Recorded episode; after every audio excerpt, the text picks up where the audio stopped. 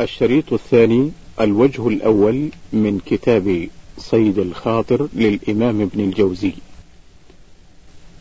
وفيه خمسة وثلاثون وفيه خواطر عرض فيها لمسائل من عالم الغيب الميتافيزيك كبحثه في النفس والروح في الفصل رقم عشرين واستدلاله على الآخرة بأن الإنسان كلما نال لذة طمح إلى أخرى أو طمح إلى أخرى وأنه يبتغي الجديد دائما. الفصل في الفصل رقم 28 وتكلم في دلالة الوحدانية في الفصل رقم 30 والفصل الثمانين بعد المئة والفصل الرابع والسبعين بعد المئتين. ورد على من يعترض على حكمة الخالق في الفصل السادس بعد الثلاثمائة ستة وثلاثون. وتكلم في الدعاء وتأخر الإجابة وأن في ذلك ست فوائد في الفصل الثامن والثلاثين. وعاد إلى الكلام في تأخير الإجابة في الفصل الرابع والسبعين وأن الإنسان لا يكاد يدعو إلا بطلب الفضول في الفصل الخامس والثمانين ولا ينبغي له أن يسخط أو يعترض أن إن تأخرت الإجابة في الفصل الخامس بعد المئة والفصل الواحد والثلاثين بعد المئة. ووسع في الكلام في هذا المعنى في الفصل الثامن والأربعين بعد المئة وبين أنه ربما كان المنع لطفا من الله به في الفصل الثاني والثلاثين بعد المئتين. وبين الحكمة في عدم إجابة الدعاء في الفصل الثاني والتسعين بعد المئتين. سبعة وثلاثون. وتكلم في الخوف والرجاء في الفصل الأربعين والفصل الرابع والستين وأن من عرف الله خافه وأن المطمئن ليس من أهل المعرفة بالله. في الفصل السادس والثمانين. ثمانية وثلاثون. وتكلم في التوكل واتخاذ الأسباب في الفصل الواحد والخمسين. وأن قلوب العارفين يغار عليها من الأسباب أو يغار عليها من, من الأسباب. وكلامه في هذا لا دليل عليه من النقل ولا من العقل وإنما هو من شطحات الصوفية التي ينكرها عليهم. في الفصل السابع والستين. وفي الإيمان بالقدر ووجوب الاحتراز في الفصل التاسع والسبعين بعد المئتين وأن وأن لم وأن لم يحترز بعقله هلك وأن من لم يحترز بعقله هلك في الفصل الثالث والثمانين بعد المئتين. تسعة وثلاثون. ويتكلم في الملائكة والبشر أيهما أفضل في الفصل الثاني والأربعين؟ وهي مسألة عرض لها المتكلمون مع أنها مما لم يكلفنا الله اعتقاده ولا يسألنا عنه. ولو اقتصرنا في العقائد على ما أوجبه الله علينا وجاءت به النصوص التي تفيد العلم ولم ندخل فيها أمورا لم يكن يراها السلف منها ولا يطالبون من يدخل دين الإسلام بها لو فعلنا ذلك لاسترحنا من كثير من الخلاف التي من الخلاف الذي أضاع وقتنا وأذهب قوتنا وفرق جمعنا وجعل منا طوائف وشيعا. أربعون. وأكثر الكلام في التشبيه والتأويل ورأيته لا يستقر في ذلك على رأي بل هو يضطرب فيه وينحرف يمينا وشمالا تارة وتارة حتى حتى اضطررت في الحواشي التي علقتها على الكتاب أن أرده إذا مال وأصرفه إلى الاعتدال وكنت أعجب في ذلك منه حتى رأيت سره فيما قاله ابن رجب. قال ونقم عليه جماعة من مشايخ أصحابنا يعني الحنابلة ونقم عليه جماعة من مشايخ أصحابنا يعني الحنابلة ميله إلى التأويل في بعض كلامه واشتد نكيرهم واشتد نكيرهم عليه في ذلك. ولا ريب أن كلامه في ذلك مضطرب مختلف وكان معظما لأبي الوفاء بن عقيل متابعا لأكثر ما يجده من كلامه. وإن كان قد رد عليه في بعض المسائل وكان ابن عقيل بارعا في الكلام ولم يكن تام الخبرة بالحديث والآثار. فلهذا يضطرب في هذا الباب وتتلون فيه آراؤه وأبو الفرج تابع له في هذا التلون. فهو في الفصل التاسع والأربعين يرد على المشبهة ردا قويا وفي الفصل الواحد والستين يرد على المتأولين وينتهي إلى الحق وهو التسليم والتفويض. وترك الخوض في الآيات المتشابهات أصلا. وفي الفصل الواحد والسبعين يرد على الفريقين وينصر مذهب التفويض ويعود إلى هذا المعنى في الفصل الثالث والعشرين بعد المئة. ويطعن في الأشاعرة ويكاد يصرح بأن عقيدة التشبيه أصلح للعوام ويعود إلى هذا في الفصل التاسع عشر بعد الثلاثمائة. ويرد على المجسمة في الفصل الواحد والتسعين بعد المئة ثم يرد على علماء الكلام في الفصل الرابع والتسعين بعد المئة وبين في الفصل السابع والثلاثين بعد بعد المئتين أن سبب تخليط العقائد قياس الأمور المغيبة على الأمور المشاهدة وهو يميل في هذا الفصل إلى مذهب الأشاعرة. وبين في الفصل السادس والأربعين بعد المئتين أن معرفة ذات الله مستحيلة. واحد وأربعون. وينهي في الفصل التاسع والثمانين بعد المئة عن علم الكلام وينهى في الفصل التاسع والثمانين بعد المئة عن علم الكلام وينصح العاقل ألا يتطلع إلى ما لا يدركه عقله وأن ينظر فيما يصلح أو فيما يصلح آخرته ويضرب المثل فيما في من يترك أمر القرآن ونهيه ووعده ووعيده ويفكر في القرآن مخلوق أو غير مخلوق. وفي القراءة هل هي عين المقروء أو غير المقروء بملك أمر بملك أمر قواده بأمر فأطاعوه ونفذوه إلا واحدا. قعد يفكر في كتاب الملك هل كتبه بمداد أو بحبر؟ وهل كتبه قاعدا أو قائما؟ حتى علم الملك بطاعتهم وعصيانه فأثابهم وعاقبه. وهذا مثال من يقرأ إن الله سميع بصير فلا يراقب لسانه حتى لا يسمع منه الله إلا خيرا. فلا يراقب لسانه حتى لا يسمع منه الله إلا خيرا ولا يرى إلا طاعة بل يبحث في سمع الله وبصره ويقرأ يد الله فوق أيديهم فلا يخضع خضوع العبد الذليل لمن يده فوق أيدي الناس ويطيعه ويمتثل أمره بل يقول اليد ما اليد والاستواء ما الاستواء. لا يسعه ما وسع الصحابة وكبار التابعين الذين قرأوا هذه الآيات وآمنوا بها ولم يقولوا فيها شيئا أبدا لا هم أجروها على حقيقتها وصرحوا بها كما يصرح بها قوم ولا هم أولوها وصرفوها عن ظاهرها كما يفعل أقوام. بل سكتوا وفوضوا. أفلا نسكت نحن ونفوض ونسد باب الخلاف بيننا ونقطع هذا التنازع؟ اثنان وأربعون. وهو ينظر دائما في أحوال العلماء والمتزهدين ويزنها بميزان الشرع فيظهر راجحها من مرجوحها. ونازلها من عاليها في الفصل السادس ويبين انحراف الصوفية عن الجادة ومخالفتهم السنة في الفصل التاسع عشر وأن اعتزالهم وتركهم العلم من البدع في الفصل الرابع والعشرين والفصل الواحد والخمسين بعد المئتين وشرح ذلك وزاده بيانا في الفصل الثامن والخمسين وقبح إهمالهم لأبدانهم وحرمانهم أنفسهم من متع الدنيا. في الفصل الثاني والثمانين والفصل الثامن بعد المئة. وفرق بين علماء الدنيا وعلماء الآخرة في الفصل الحادي عشر وبين أن الرياء غالب على الناس قل منهم من يعمل لله وحده في الفصل الثامن والسبعين بعد المئة وأن أكثرهم في غفلة عن الآخرة في الفصل السادس والعشرين بعد المئتين وأن من زهاد زمانه من يعمل أشياء تدل على النفاق والرياء. في الفصل الواحد والتسعين بعد المئتين. ثلاثة وأربعون.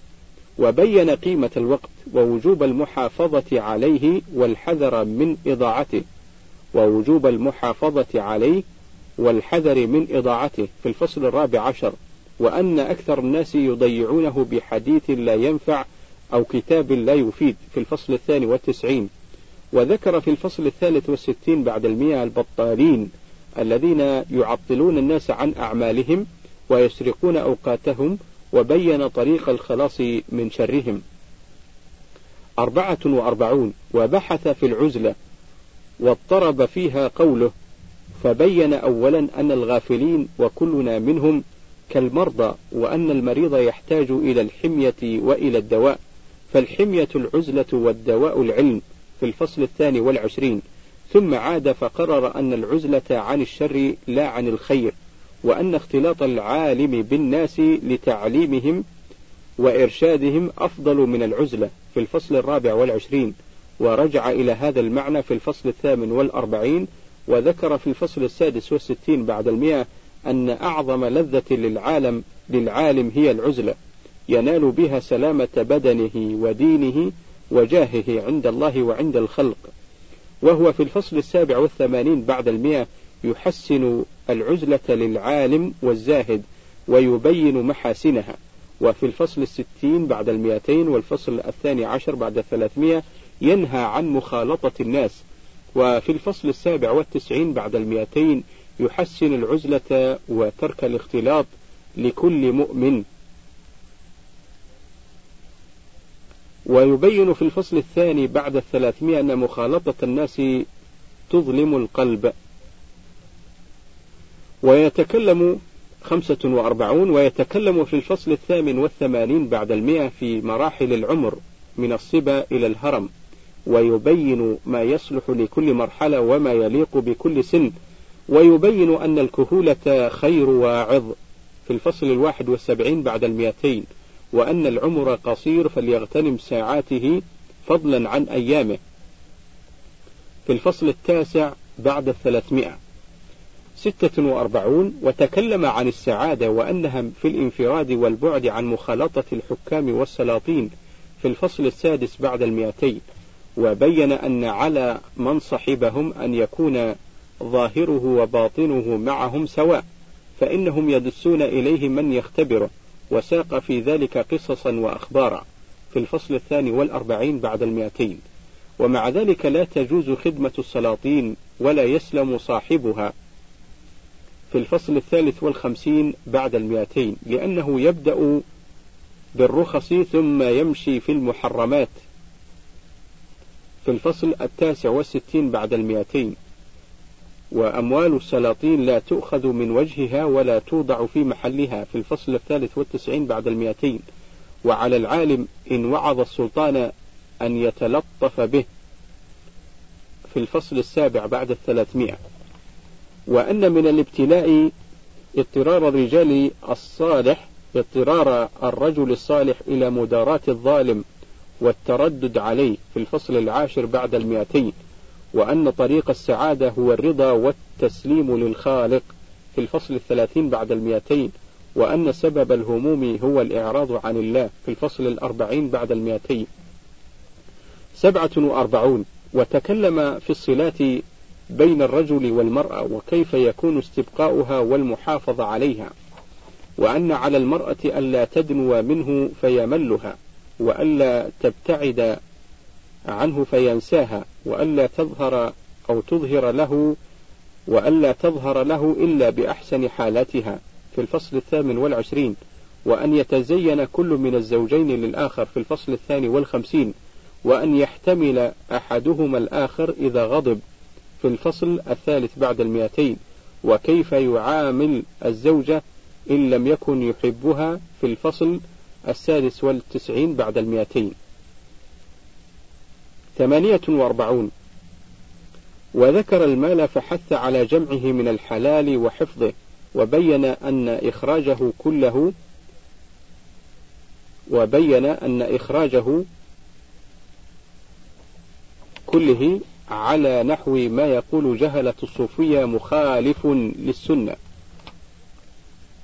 في الفصل الرابع والثلاثين وأن سبب ذلك وأن سبب ذل العلماء حاجتهم للمال في الفصل السادس والخمسين وأنه ليس أنفع للعلماء من جمع المال من الحلال للاستغناء عن الناس في الفصل التاسع بعد المئة وأن على طالب العلم أن يكون له مردود مال يستغني به في الفصل الثالث عشر بعد المئة وأن السلاطين يحتقرون من يتواضع لهم من العلماء طمعا بأموالهم في الفصل التاسع والأربعين بعد المئة. والخلاص من ذلك أحد أمرين الكسب أو القناعة والصبر. الفصل في الفصل الواحد والخمسين بعد المئة وقدم نصائح عملية في تدبير المال في الفصل الواحد والسبعين بعد المئة وبين أن عمل العالم وتكسبه ليس عيبا في الفصل الثامن والسبعين بعد المئة. وبحث في جمع المال في الفصل الواحد والسبعين بعد المئة. فمن لم يستطعه فليقنع بالخبز الجاف ولا يتعرض للأنذال في الفصل الرابع والخمسين بعد المئتين. ووصف ما ينال العالم الفقير بين اللئام. في الفصل الخامس والتسعين بعد المئتين. تسعة وأربعون. وتكلم في النظافة وأن من الناس من لا يهتم بها وأن منهم من لا ينظف أسنانه فيكون أبخر. يدنو منك ليناجيك فيؤذيك بنتن فمه. في الفصل الثاني والخمسين. خمسون. وفيه خواطر نفسية تحليلية. يغوص فيها إلى أعماق النفس يستخرج أسرارها ويتعرف بواعثها ودوافعها. رأى الرجل يسمع الموعظة فيرق لها قلبه.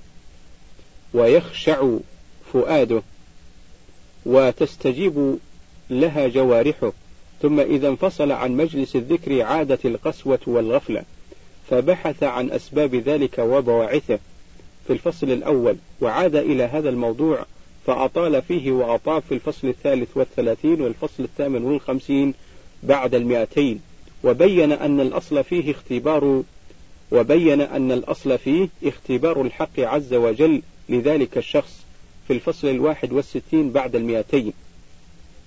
واحد وخمسون وانتبه لشيء عجيب هو أن الإنسان إذا عرضت له جوانب الدنيا بلذاتها المحرمة انقاد إليها ومشى معها لا يجد في ذلك مشقة ولا تعبا فإذا عرضت له جواذب الآخرة بتكاليفها وقيودها لم يستطع الانقياد إليها إلا بالمشقة البالغة. والتعب الشديد فلعل ذلك فعلل ذلك في الفصل الثاني. اثنان وخمسون ونظر إلى التحاسد بين العلماء وكيف أنهم لا يمنعهم منه علمهم بقبحه وكيف أنه لا يمنعهم منه علمهم بقبحه فنظر في أسبابه في الفصل الحادي عشر. ثلاثة وخمسون وبحث في اللذة والمنفعة في الفصل الخامس والسبعين وأن لذات الدنيا لا تخلو من المنغصات وأن اللذة الحقيقية لذة النعيم في الآخرة في الفصل الثامن والخمسين بعد المئة وأن لذة العلم أعظم لذات الدنيا في الفصل التسعين بعد المئة وعاد إلى الكلام في لذات الدنيا في الفصل الخامس والثلاثين بعد المئتين وأنها على نوعين في الفصل السابع والخمسين بعد المئتين. أربعة وخمسون ورأى كثيرا من الناس يتحرزون من رشاش نجاسة ولا يتحاشون من غيبة ويكثرون من الصدقة ولا يبالون بمعاملات الربا. وبحث عن سبب ذلك في الفصل الحادي عشر بعد المئة وأن الناس يتبعون العادات أكثر من اتباعهم الشرع. وقص قصة شيخ اشترى منه دكانا فغدر به. في الفصل الخامس عشر بعد المئة. خمسة وخمسون وبين أن كل ممنوع مطلوب وبحث عن أسباب ذلك في الفصل الثالث والعشرين.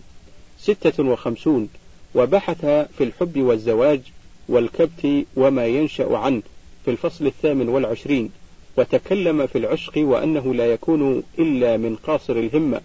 أما عالي الهمة الذي يطلب زيادة الكمال فلا يقيم على عشق معشوق. في الفصل الثالث والستين وعن الحب العذري في الفصل الخامس والثلاثين بعد المئتين وعن العاشق وأنه في عذاب دائم في الفصل الثامن والستين بعد المئة وأن مطالب الشهوة وأن مطالب الشهوة لا حد لها في الفصل الخامس عشر بعد المئتين. وتكلم عن هوى النفس في الفصل التاسع عشر بعد المئتين وعن أضرار زواج الشيوخ بالصبايا الصغيرات في الفصل الخامس والثلاثين بعد المئتين. وزاد ذلك شرحا وتوضيحا في الفصل الرابع والأربعين بعد المئتين ونصح العاشق أن يكتم مقدار حبه عن محبوبه لئلا يتدلل أو يتجنى أو يهجر. في الفصل الثامن والخمسين بعد المئتين ونصح الشاب أن يحذر الاستجابة لشهوته لما تورثه من الضعف في الكبر لأن من جار على شبابه جارت عليه شيخوخته. في الفصل الخامس والخمسين بعد المئتين وشرح حال المتزوج الذي يتعلق بامرأة أخرى في الفصل السابع والثمانين بعد المئتين. سبعة وخمسون. وبحث في أحوال الزهاد وأن الزهد حظ نفس لهم وأن الزهد حظ نفس لهم في الفصل السادس والثلاثين وأن أكثر الأحاديث التي يريدونها في الزهد غير صحيحة وأن أكثر الأحاديث التي يريدونها في الزهد غير صحيح. في الفصل السابع عشر بعد المئتين. ثمانية وخمسون. وعلم من نزلت به بلية كيف يهونها على نفسه. في الفصل التاسع والثلاثين والفصل الستين بعد المئة. وكيف يعلل النفس ليعودها الصبر. في الفصل التاسع والخمسين. تسعة وخمسون. وفيه فصول في التربية والسلوك منها نصح من تظاهرت عليه النعم أن يظهر منها ما يبين أثرها ويكتم حقيقتها ويكتم حقيقتها ومقدارها خوفا من العين وخشية من الحسد. في الفصل الثامن والسبعين وألا يفشي سره إلى أحد لا لزوجة ولا لولد ولا لصديق. في الفصل الخامس والثمانين بعد المئة. ستون. وأن يطلب أبدا معالي الأمور حتى لو أمكن صعود السماوات لم يرضى بالأرض. حتى لو أمكن صعود السماوات لم يرضى بالأرض. ولو كانت النبوة تنال بالاجتهاد لم يقتصر في السعي للنبوة. في الفصل الثامن بعد المئة وتكلم عن تفاوت الهمم في الفصل الرابع والعشرين بعد المئتين. واحد وستون ونصح طلاب العلم بتحصيل الفقه لأنه أفضل العلوم في الفصل العاشر بعد المئة. ووضع لهم في الفصل الرابع عشر بعد المئة منهجا للدراسة يبتدئون فيه بالقرآن وحفظه ثم النظر في تفسيره تفسيرا مجملا يعرف به معاني القرآن والنظر في شيء من النحو يعرف به معاني القرآن والنظر في شيء من النحو وعلوم اللغة. ولينظر بعد ذلك في الحديث فيقرأ الصحاح والمسانيد ويعرف الرجال وفي سيرة الرسول صلى الله عليه وسلم ثم ليقبل على الفقه وليراعي في ذلك كله الإخلاص لله ويعود إلى ذلك في ويعود إلى ذلك في الفصل العشرين بعد المئة ويشرحه في الفصل الواحد والسبعين بعد المئة ويعود إليه في الفصل الواحد والثلاثين بعد الثلاثمائة الهامش ويوضحه في كتابه لفتة الكبد. انتهى الهامش. وينصح له ألا يتزوج خلال الدراسة إلا إذا اضطر وألا يجهد نفسه في الفصل الواحد والعشرين بعد المئة. ووصاه بوصايا في الفصل السادس والأربعين بعد المئة وساق وصايا خاصة لفقراء الطلاب في الفصل الثالث والستين بعد المئتين وبين خير الطرق للحفظ والاستظهار في الفصل السادس والثمانين بعد المئة. وتكلم عمن يشتغل بعلم واحد يضيع العمر به في الفصل السادس والعشرين بعد المئتين. وأن عليه أن يأخذ من كل علم بطرف في الفصل السادس والثلاثين بعد المئتين. وبين أن التأليف أنفع من التدريس وأن وقت التأليف هو وسط العمر. وأول العمر للطلب وآخره للاستعداد للموت في الفصل الرابع والأربعين بعد المئة. اثنان وستون. ومن ذلك أنه ينبغي للعاقل ألا يقدم على أمر حتى يزن نفسه. هل يطيقه أم لا في الفصل الثامن عشر بعد المئة؟ وأن يستعد لكل ما يحتمل وقوعه. وأن يستعد لكل ما يحتمل وقوعه في الفصل الخامس بعد المئتين وأن يحترس منه في الفصل الخامس والأربعين بعد المئتين والفصل الخامس والعشرين بعد الثلاثمائة. ثلاثة وستون وألا يظاهر أحدا بالعداوة. في الفصل السابع والخمسين بعد المئة. وإذا آذى شخصا فلا يثق بمودته في الفصل الرابع بعد المئتين وألا يركن إلى عدوه في الفصل الواحد والثلاثين بعد المئتين وبين له كيف يعامل أعداءه وحساده في الفصل الثامن والأربعين بعد المئتين أربعة وستون وكيف يسوس زوجته وخادمه في الفصل الواحد والسبعين بعد المئة. خمسة وستون. وبين أن من أعظم الغلط الثقة بالناس وأن على العاقل ألا يثق بأحد لا سيما الصديق لأنه قد ينقلب عدوا في الفصل الثاني عشر بعد المئة وفرق بين المعارف والأصدقاء في الفصل السادس والثمانين بعد المئتين. ستة وستون. وإذا اضطر إلى المخالطة والمعاشرة فليعاشر من له أصل وشرف.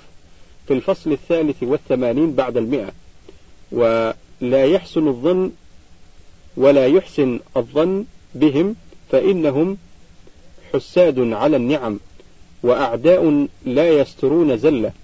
وليعلق قلبه بالله وحده في الفصل الرابع والثلاثين بعد الثلاثمائة. ومن الواضح أن هذه الأخلاق التي يأمر بها أخلاق الوصوليين ومن الواضح أن هذه الأخلاق التي يأمر بها أخلاق الوصوليين وأن أساسها المنفعة ولعل الزمان الذي عاش فيه كان يقتضيها ويستحسنها.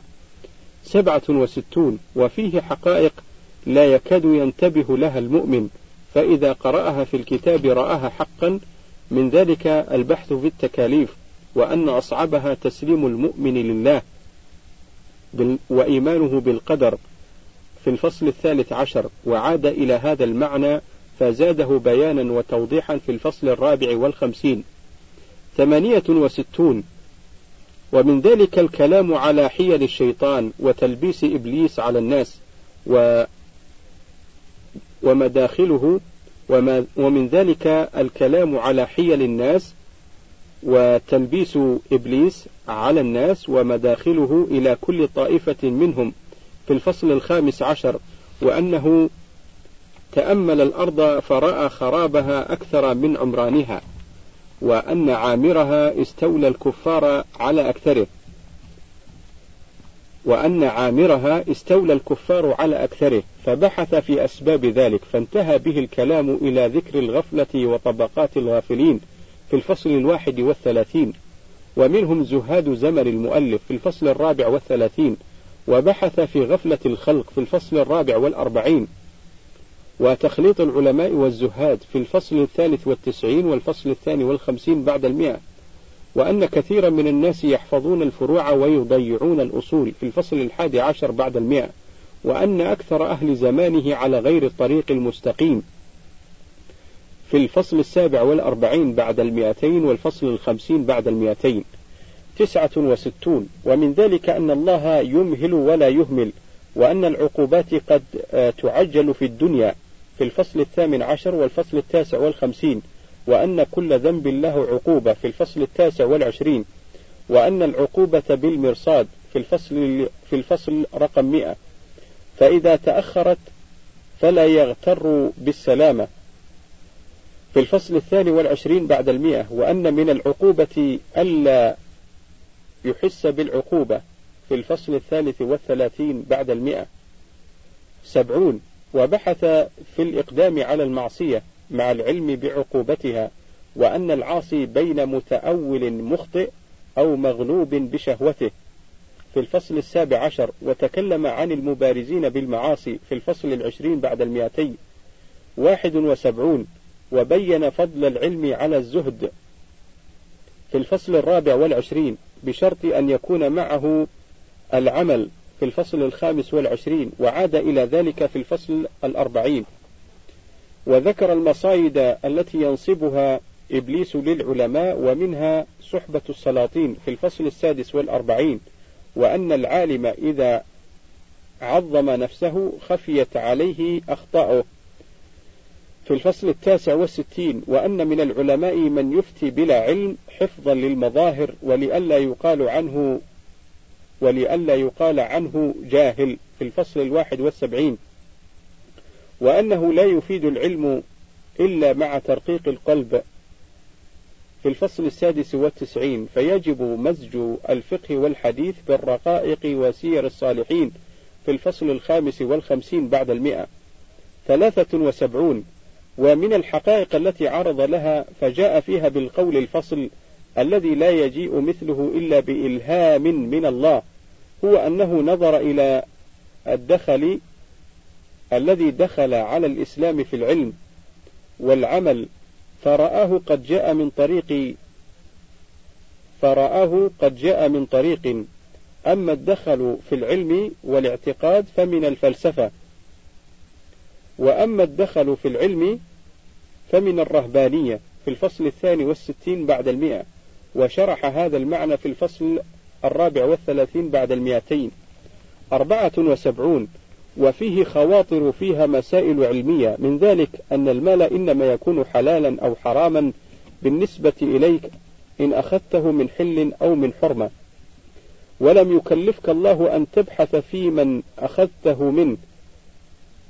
وتسأل من أين اكتسبه في الفصل التاسع عشر وهذا هو ما ذهب إليه أبو حنيفة إلا أن تعلم أن هذا المال غصب.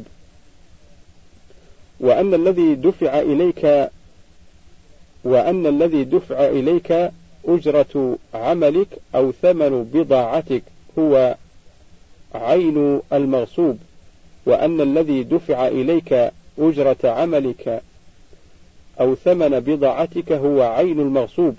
كمن يشتري منك شيئا فإذا جاء يدفع الثمن غصبه أمامك من آخر من آخر ودفعه إليك. خمسة وسبعون. ومن ذلك ما بينه من أحكام المنكرات التي تجري في مجلس ويعتقدها العوام وجهلة العلماء ويعتقدها العوام وجهلة العلماء قربة وهي منكر من التلاوة بأنغام الغناء وإنشاد أشعار الغزل وأمثال هذا. في الفصل الستين ستة وسبعون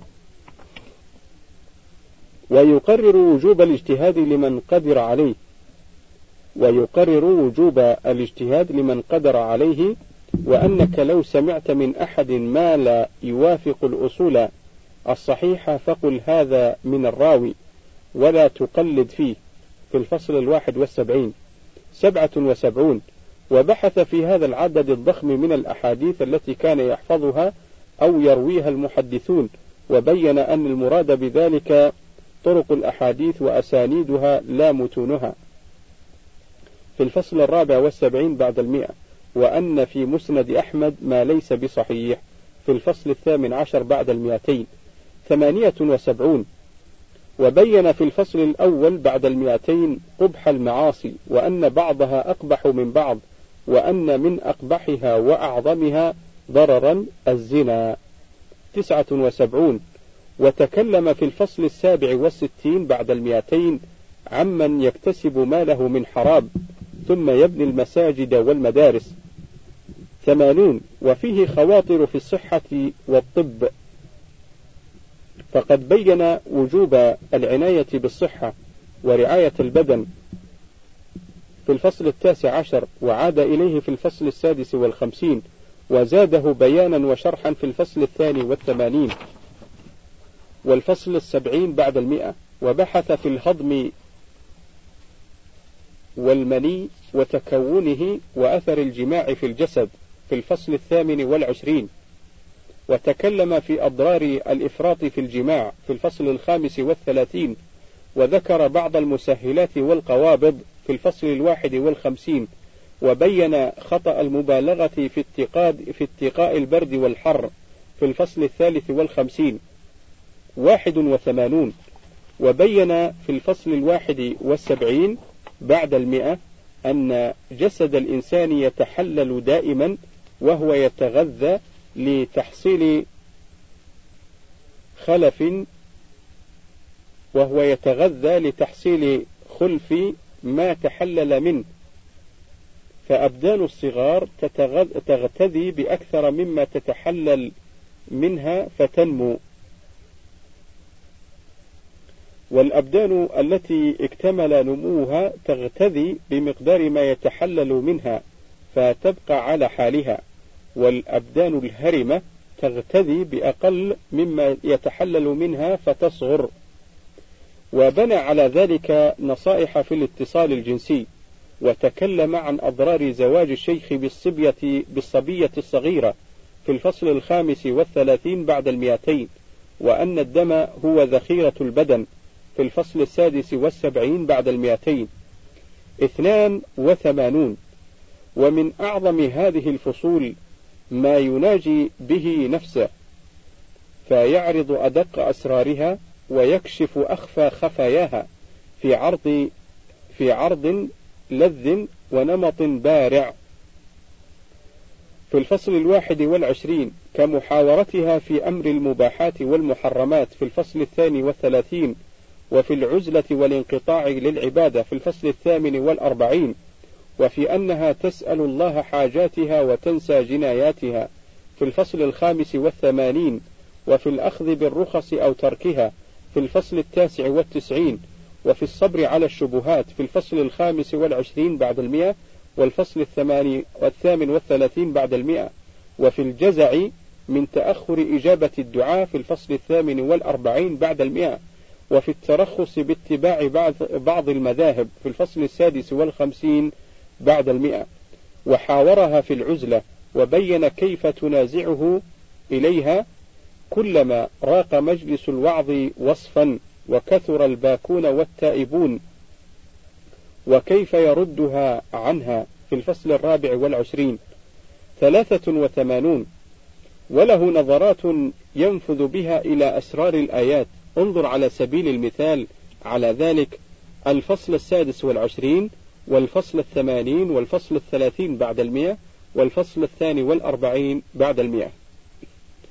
وله عناية خاصة بسورة يوسف فهو لا يزال يعود إليها يستنبط منها ويتكلم فيها. أربعة وثمانون وفي الكتاب صور شخصيات طريفة وأخبار حوادث نادرة كالذي جاء في الفصول الثاني والثمانين والخامس عشر بعد المئتين والتاسع والستين بعد المئتين. كالذي جاء في الفصول الثاني والثمانين والخامس عشر بعد المئة والتاسع والستين بعد المئتين. وفي الفصل الخامس والثمانين بعد المئتين قصص عجيبة عن البخلاء لم يورد الجاحظ في كتابه مثلها. وفي الفصل الثامن بعد الثلاثمائة أخبار طريفة عن بعض المتنبئين. خمسة وثمانون وهو قوي الملاحظة حديد النظر جوال الذهن يعتبر بما يرى ويتخذ منه درسا في الدنيا وعظة للآخرة. فإن رأى الحمال يغني وهو يسير بحمله في الفصل التاسع والخمسين أو شاهد من يعثر بشيء في الطريق فيلتفت إليه في الفصل التاسع والسبعين أو رأى المجاور في جامع الرصافة في الفصل الثاني والثمانين وإن أبصر الجبال الهائلة في طريق خيبر في الفصل الثاني بعد المئة وإن اشتد الغلاء في بغداد سنة خمس وسبعين وخمسمائة للهجرة في الفصل الثاني والسبعين بعد المئة وإن رأى رجلا يحب امرأته وهي لا تحبه في الفصل الثالث والسبعين بعد المئة. رأى في ذلك كله دليلا على الله ومذكرا بالآخرة. وقد بين أن المتيقظ المفكر في الآخرة يأخذ إشارة من كل ما يرى أو يسمع وأيد ذلك بأخبار سردها وأشعار أنشدها في الفصل الثامن والتسعين. ستة وثمانون. أما أسلوبه فيسمو حينا حتى يبلغ الذروة ويكون منه المعجب المطرب.